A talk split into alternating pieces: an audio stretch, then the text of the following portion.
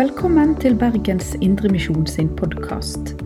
For mer informasjon om oss, besøk oss på betlehem.no, eller finn oss på Facebook og Instagram der som Bergens Indremisjon.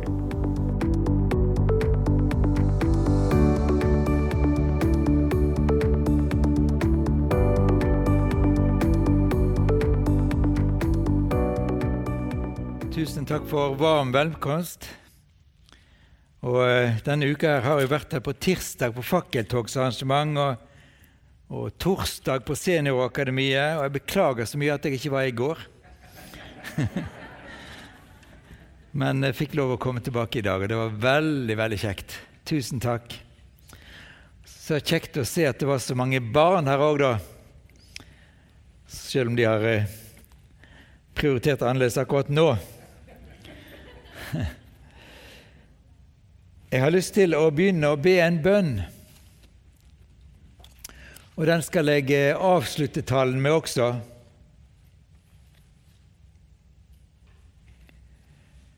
Og Da skal jeg si litt mer om bakgrunnen for den bønnen. Kjære Herre Jesus, la meg få komme inn i ditt nærvær, så jeg kan berøre dine naglemerkede føtter. Kjære Herre Jesus, la meg få tilbe deg i ydmykhet og kysse dine naglemerkede og sårede hender og føtter.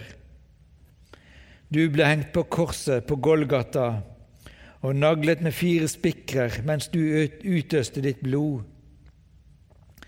Midt i denne desperate situasjonen, hvordan kunne du elske dine skapninger? Du var til og med villig til å omfavne den som korsfestet deg. Du ble torturert på grunn av meg, ja, på grunn av meg. Ikke bare for meg, men også for min mor og far. På grunn av meg led du de forferdeligste piner, på korset i seks timer.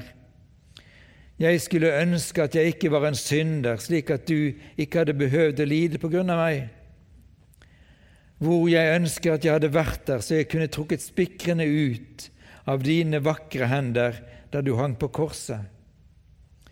Hvor desperate mine tanker er når jeg tenker på at det kunne vært mulig for meg å gjøre noe for at du ikke skulle lide så mye. Herre Jesus, jeg ber om at jeg må få herliggjøre ditt hellige navn hver stund av mitt liv på jorden. Jeg er villig til å gi mitt liv, for det tilhører deg, for din skyld og for din kirkes skyld. Amen. På torsdag så, så underviste jeg eller talte jeg om Iran på Seniorakademiet.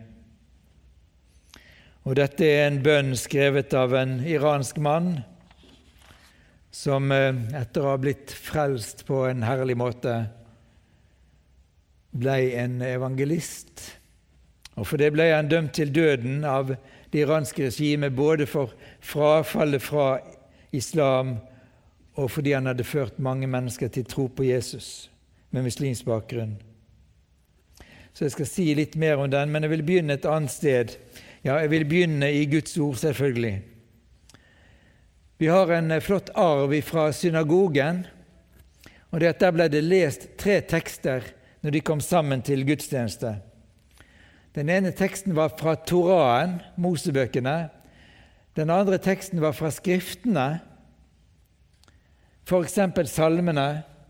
Og den tredje teksten var fra profetene. Og Den kristne kirke overtok den tradisjonen som mange kirker, av de tradisjonelle spesielt, har dette fortsatt. Det leses tre tekster på hver søndagsgudstjeneste. En fra Det gamle testamentet, en fra evangeliene og en fra et av de andre skriftene i Det nye testamentet. Jeg syns det er veldig god skikk, særlig dette at vi leser mye fra Guds ord i en gudstjeneste. Å ha Guds ord som utgangspunkt for alt vi gjør, alt vi sier, alt vi synger, alt vi ber. Nå blir det tre tekster. Den ene står helt i begynnelsen av Bibelen, i Første Mosebok kapittel 3.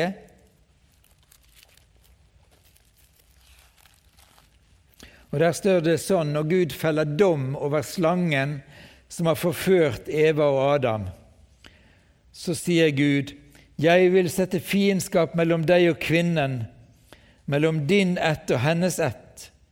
Han, altså kvinnens ett, skal ramme ditt hode, eller knuse ditt hode, men du skal ramme hans hæl. Og så til Matteus 5, det vi allerede har hørt. I saligprisningene Og det er jo litt, eh, litt underlig å tenke på at hvis du spør noen hva, hva syns du er best i Matteusevangeliet, så er det mange som vil si bergpreken. Og spør du så hva syns du er best i bergpreken, så vil mange svare saligprisningene. Og så spør du kan du kan du si saligprisningen for meg, og så stanser en som regel i vers 10. Men så kommer det altså de to neste versene. Ja, salige er dere når de, de, de for min skyld håner og forfølger dere, lyver og snakker ondt om dere på alle vis. Gled og fry dere, for stor er lønnen dere har i himmelen. Slik forfulgte de også profetene før dere. Og så følger det på umiddelbart dere er jordens salt, dere er verdens lys. Det kommer rett etter saligprisningene, etter at Jesus har sagt salige er dere når de forfølger dere, snakker ondt om dere. Dere er verdens lys. Og Den tredje teksten jeg vil lese, det blir den lengste av de, og den ble sitert to ganger her når det var fakkeltog for forfulgte kristne. Den er fra Rombrevet 8, fra vers 33, eller vers 31 kan vi ta med. Er Gud for oss, hvem er da imot oss? Han som ikke sparte sin egen sønn, men ga han for oss alle kan han gjøre noe annet enn å gi oss alle ting sammen med ham? Hvem kan anklage dem Gud har utvalgt? Gud er den som frikjenner. Hvem kan da fordømme? Kristus, Jesus, er den som døde, ja, mer enn det han sto opp og sitter ved Guds høyre hånd, og han ber for oss. Hvem kan skille oss fra Kristi kjærlighet? Nød, angst, forfølgelse, sult, nakenhet, far eller sverd? Som det står skrevet, for din skyld drepes vi dagen lang, vi regnes som slaktesauer. Men i alt dette vinner vi mer enn seier ved Han som elsket oss. For jeg er viss på at verken død eller liv, verken engler eller krefter, verken det som nå er eller det som kommer, verken det som er i det høye eller i det dype, eller noen annen skapning skal kunne skille oss fra Guds kjærlighet i Kristus Jesus, vår Herre. Fantastisk avsnitt. Det finnes ingen sterkere makt i himmel og på jord. Ingenting av det som er rundt oss, ingenting av det som er i undergrunnen, Ingenting av det som møter oss. Det finnes ingen sterkere kraft enn Guds kjærlighet i Kristus Jesus. Uansett hva vi møter. Det er sant. Og så er det sant at Men i alt dette vinner vi mer enn seier ved Han som elsket oss og ga seg sjøl for oss mer enn seier. Hyperseier står det på, på gresk. Hyper. Vi har more than conquerors. Vi er mer enn overvinnere ved Han som elsket oss og ga seg sjøl for oss. La oss begynne helt på begynnelsen. Der sto det dette at, at slangen hogger kvinnens ett i hælen. På hva måte hogger slangen sett, og slangen kvinnens ett i hælen? Ja, vi har hørt et eh, sitat her. Jeg skal ikke si om det var godt eller dårlig, men Vi har hørt et sitat. Slangen hogger på, i hovedsakelig på to måter. Og jeg tror vi kjenner så inderlig godt til han hogger for det første med forførelse. Det var den han begynte med. Det var den han prøvde seg med på Jesus. Det er den han prøver seg med på Kirken. Det skal ikke forundre oss når han begynte med den overfor Eva og Adam. Han begynte med den overfor Jesus. Da vil han også gjøre det overfor meg og deg og for Kirken. Forførelse, skal vi se nå.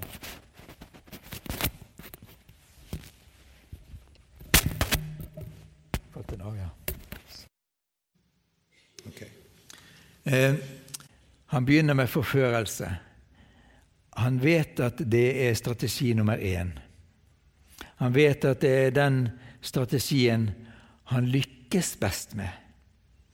Forførelsen som alltid fører bort fra Jesus, bort fra Gud, bort fra Guds ord. Så en begynner å tenke annerledes om Guds ord og finner på alle mulige slags finurlige fortolkninger av Guds ord. Det som utgangspunktet er så klart og tydelig i alt det som har med vår frelse å gjøre, og vårt disippelskap å gjøre, vår etterfølgelse av Jesus. Det er egentlig så klart og tydelig. Men slangen han begynner med å si 'Har Gud virkelig sagt?' Det er den, det er den mest vellykkede strategien han har, og det er den han bruker. Og endemålet som han ønsker å få en til, det er forførelse, forlate Gud, forlate Guds ord og til slutt fortapelse. Det er når en står imot forførelsen, at den andre tingen kommer forfølgelse. Når vi er tydelige på at 'jeg tror på Jesus Kristus', jeg tror at Jesus Kristus er min frelser og verdens eneste frelser. Og jeg tror at Jesus Kristus er din frelser. Nå, nå sier dere ja og amen. Men hvis jeg sto i en annen sammenheng i India eller i Saudi-Arabia og sa det jeg vet, at Jesus Kristus er den eneste som kan frelse dere, eneste som kan lede dere til paradis, så kunne jeg regne med både mobben og politiet og myndighetene. Den andre strategien til, til eh, slangen, djevelen, er forfølgelse. Nå var det en, eh, en huskirkepastor i Kina som sa det for ikke lenge siden. Jeg takker Gud for at det blir innstramminger og vanskelig, mye vanskeligere å være kristen igjen, for det skjerper meg. Det skjerper menigheten. Og eh, det er den allmenne erfaringen at når forfølgelsen kommer, trengslene kommer, så må vi søke Jesus. Når vi søker Jesus i bønn, da må vi søke inn til Ordet. Da er det vår kilde til styrke og trøst og glede. Jeg snakka altså på Seniorakademiet om, eh, om, Iran. Jeg har lyst til å, å fortsette litt med noen vitnesbyrd. Da ble det mye generelt om, om politikk, om religion og om, om den forfulgte kirke. Men nå har jeg lyst til å dele litt med dere om fra noen vitnesbyrd. Og eh, Den shia-islamske revolusjonen under Ayatollah Khomeini den skjedde jo da i 1979. Og Khomeini han hadde lovt et eh, shia-islamsk paradis, bl.a. Med, med trosfrihet, religionsfrihet. Og Mange kristne støttet han også, for det var ikke bare enkelt i Iran under sjahen. Det var et tøft politi og et tøft regime. Men like etter at Khomeini var kommet til makten, så skjønte de kristne hva religionsfrihet betydde. Det betydde jo frihet til å konvertere til islam. Og De som var muslimer, de hadde alle rettigheter. Mens kristne og jøder hadde dimmi-status, andreklasses, og de som ikke var det engang, de kom enda lang, lenger ned. Og det å konvertere fra islam til kristen tro, det var et forræderi mot islam, som da betydde dødsstraff. På den tiden var det en asyrisk kirke og en armensk kirke. Det var kristne folk. De hadde sine kirker de kunne gå til. Men i det øyeblikket en prest i disse kirkene åpnet døren også for at persere, muslimer, skulle få komme inn og få en bibel eller høre evangeliet, spørre etter Jesus, så slo myndighetene hardt ned. Det var forbudt. Men kirken var liten, og det var bare noen få hundre konvertitter fra islam som var kristne. Og så begynner forfølgelsen.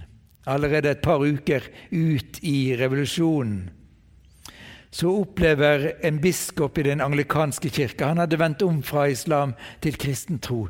Dekane Tafti het han. At han måtte rømme. Han kom til Kypros. Og mens han var på Kypros, så kom politiet til hjemmet deres, og de skulle prøve å få sønnen hans, Baram, til å fornekte sin far, angi sin far, og til å fornekte sin kristne tro. Men Baram, en ung gutt, han sto imot. Og dermed så ble han skutt. Og eh, det var jo forferdelig for denne familien til biskopen at det kunne skje. Men så sier han noen vidunderlige ting. Nå har jeg lyst til å dele mitt vitnesbyrd, sier han, eller skriver han i en bok som heter The Hard Awakening, Den tøffe oppvåkningen. Nå har jeg lyst til å dele dette vitnesbyrdet med den vestlige kirke, slik at den ikke skal leve med den illusjonen at menneskeheten har gjort slike store framskritt at lidelse og forfølgelse for ens tro er noe som hører fortiden til. Ja, kanskje vi har uh, tenkt sånn også. Men så lenge det er noen som alvorlig følger den Guds vei som Han har åpenbart for oss i Jesus Kristus, vil det være forfølgelse og martyrer, skriver biskop Dekane Kafti. Tafti. Og så forteller han om vår lille kirke i Iran. Om det som skjer. At den skal være klar til å stå opp og heller lide enn å fornekte og gi opp, slik at den kan vite at den skal fortsette å leve fordi den var rede til å dø.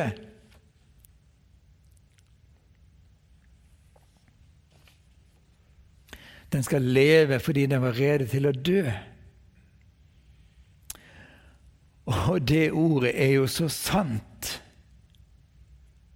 Denne kirken som altså talte noen tusener armenere og asyriske, tradisjonelle kristne, og noen få hundre iranere, den teller i dag langt over en million konvertitter fra islam til kristen tro. Og det er i Iran. og Søker du om det her i Bergen og i Norge og i, i Europa, Amerika og Australia og hvor som helst, så finner du tusener eller millioner av iranere som har møtt Jesus Kristus og som i dag er brennende vitner for ham.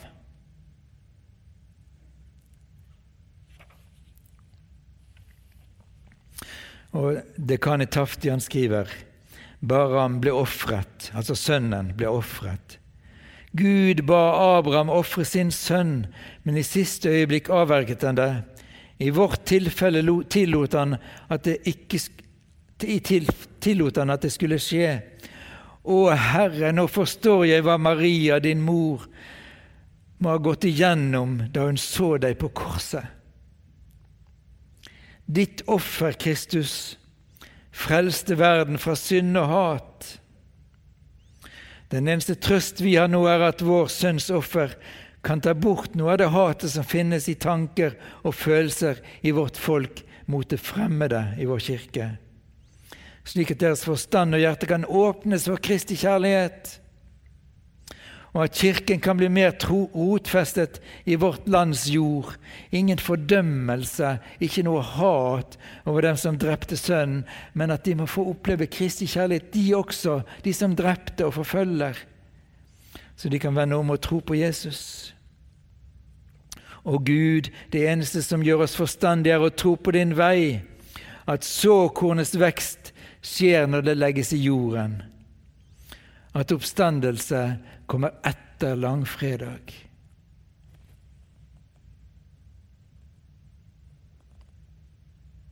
Hvis jeg ikke trodde på Guds metode for å frelse verden ved sin sønn Jesu død på korset, ville jeg ikke vært i stand til å bære min sønns offer. I 40 år har jeg talt om lidelsens problem og Kristi kors. Nå har jeg lært å kjenne det. Jeg hadde sterkt vitnesbyrd fra denne biskopen. Og så skjedde det igjen og igjen med flere og flere. Mehdi Dibaj han var også en sånn som hadde konvertert fra islam til kristen tro. Og Han ble fengslet og han ble torturert. Han, han satt ni år i fengsel på ene celle. Og så ble han spurt Det var en biskop som heter Haikov Sepiano. Det er sikkert mange av dere som har hørt om han. Han var en stor norgesvenn og besøkte mange ganger Norge. Men denne biskop Haikov Sepiano han hadde stått opp for Medid Baj. Og det ble offentlig over hele verden at Dibaj var dømt til døden. Og pga. at Hovsepian sto opp for Dibaj, så ble han selv en martyr. Han ble skutt og drept. Men han sa det at slike som de badger er så kjære for oss at vi må gi våre liv for dem.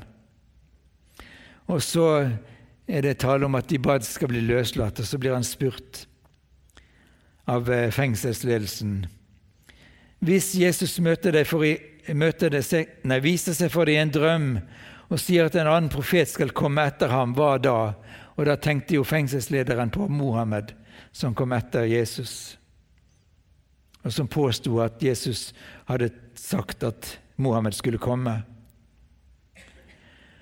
De bad svarte, om Jesus kommer, vil jeg omfavne ham, kysse hans føtter og si:" Hvis du vil straffe meg eller drepe meg, så er jeg klar, men vær så snill, ikke send en annen istedenfor deg.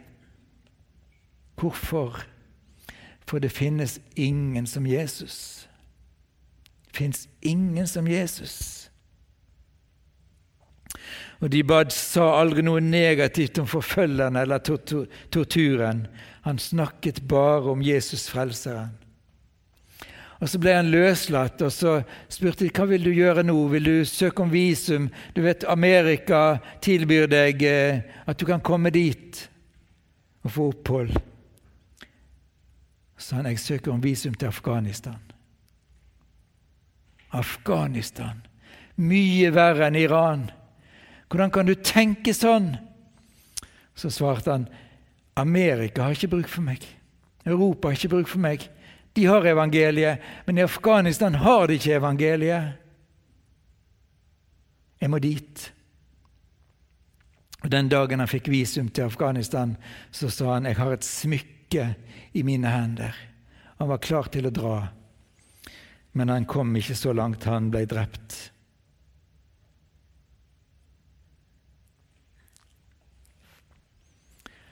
Når Jesus blir så stor, Jesus blir alt, så blekner alt det andre. En eh, høytstående militær i Afghanistan ble også frelst. Og han, eh, Når de oppdaga det at han var blitt kristen, så ble han anklaget for alt mulig. Han ble satt i fengsel. Pormand het han. Han ble dømt til døden. Og så skulle de overføre han fra det ene fengselet til det andre, før han da skulle henrettes.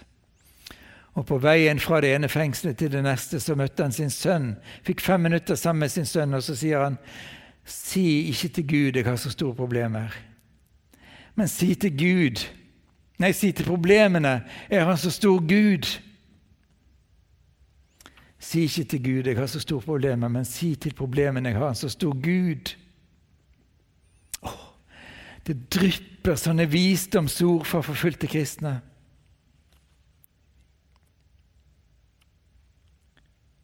som berører oss. Iallfall berører meg.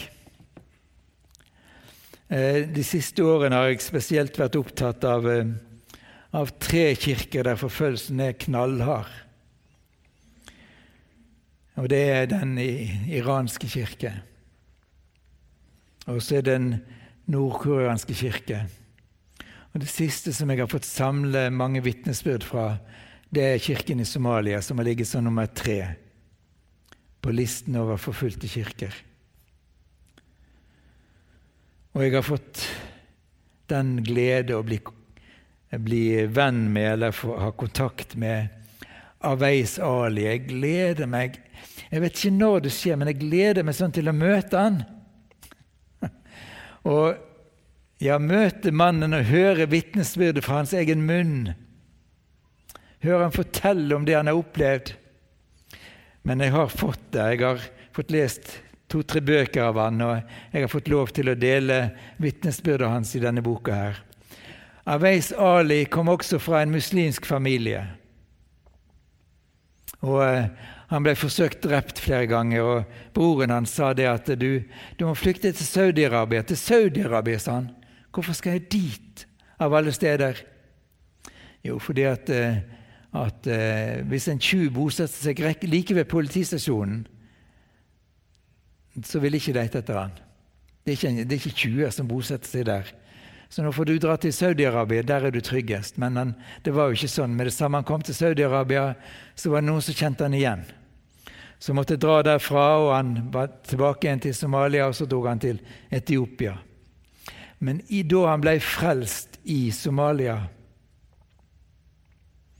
så kom han med i en liten husmenighet. De var ikke mange da han kom med. Og Hvis noen av dere har lest Nick Ripkens bok 'Guds galskap', så vil dere ha lest om denne husmenigheten. Og Nick Ripken, som var amerikansk misjonær, han forteller jo at han forlot Somalia etter å ha vært der og lært opp disse i husmenigheten, så var nesten alle drept. De han hadde feiret nattverd sammen med, de var drept. Nick Gripken hadde gitt dem opplæring, og hva var det blitt av det? Aveis Ali var en av disse. Ganske få. Etter hvert så ble de 14. Og De fleste de var tidlig i 20-årene, og så var det én professor iblant dem. Og ehm, De kom sammen i så stor hemmelighet som mulig, delte Guds ord, ba for og med hverandre, sang lovsangene veldig stille. Det måtte ikke høres. Og de gikk kom til husmenigheten én og én, og de gikk derfra én og én, og de flyttet på seg. Etter hvert som de forsto at uh, det var noen som observerte dem. Og Så, men det var, det var, sånn vanlig med ordet og bønnen og, og sangen. Men så begynte de å få drømmer og åpenbaringer. Og alle de drømmene og åpenbaringene gikk på at nå kommer de til å ta oss. Nå blir vi drept én etter én. Og Det var disse synene og drømmene som gjorde at de, de fortsatte. Gud gjeste dem på en spesiell måte i en så presset situasjon. Og han som var hovedpastor Hovedpastor, ja, de kalte det det. En ung mann han hadde et syn eller en drøm der han så en som kom med revolver framfor han og sa enten dreper jeg deg, og de andre går fri, eller jeg dreper alle de andre, og du skal få gå fri. Hva velger du? Og Han sa det at du dreper meg, og la de andre gå. Og det var det som skjedde. Han ble drept. Så da var hovedpastoren vekke. Og så var det en annen som fikk eh, et syn som han kommer og forteller. Han sier jeg så en tønne oppunder himmelen. Det var lite hull i enden på den, og det dryppet olje på ett sted. Men etter hvert det beveget seg, så dryppet oljen på mange steder i Somalia. Og det dryppet og dryppet fra denne store tønnen, og til slutt var hele Somalia dekket med som kom, oljen som kom fra himmelen evangeliet. Oppmuntrende. Og så ble denne personen drept. Og så ble de tatt én etter én. Og det var 14 i husmenigheten. Til slutt var det bare Aveis Ali og én til tilbake igjen. Og De fikk starte en ny husmenighet i Mogadishu, men de ble også oppdaget. Så de måtte slutte. Men disse som hadde vært med i den nye husmenigheten, de flyktet til nye steder. Akkurat som etter Stefanus' martyrium. Og på de nye stedene så dannet de nye husmenigheter.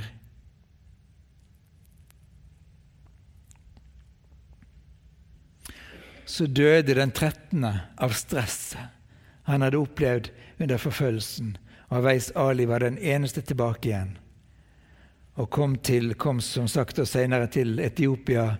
Der stiftet han det somaliske bibelselskapet og er generalsekretær i det somaliske bibelselskapet i dag. Og hva får han se nå? Han får se kanskje den mest forunderlige vekkelsen, iallfall den mest forunderlige vekkelsen jeg har lest om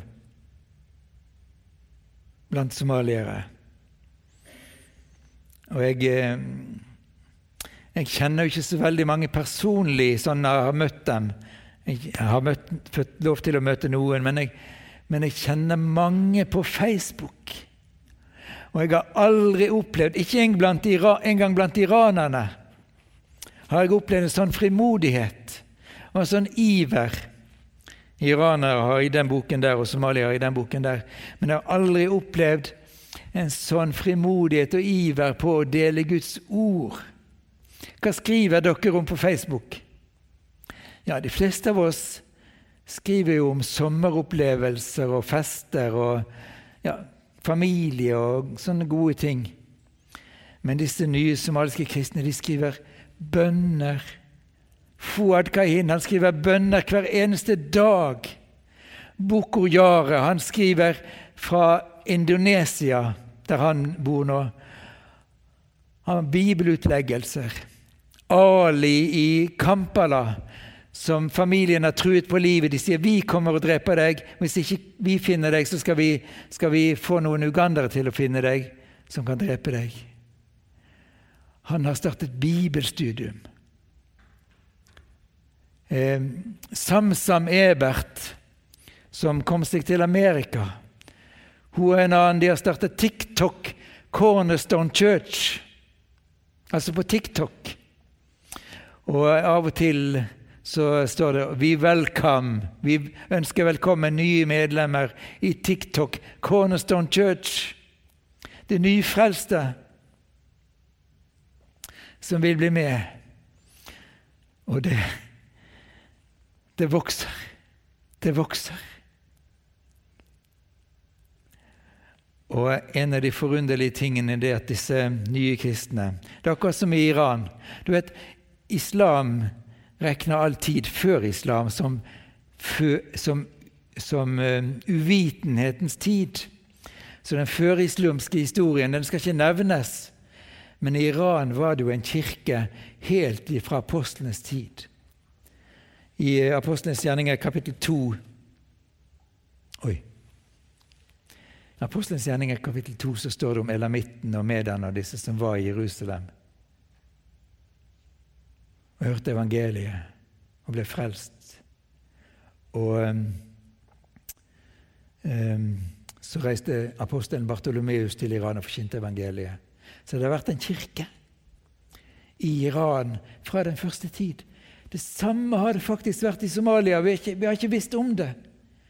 Men apostelen Thomas han led skibrudd på en øy som het Selkjellene, forkynte evangeliet.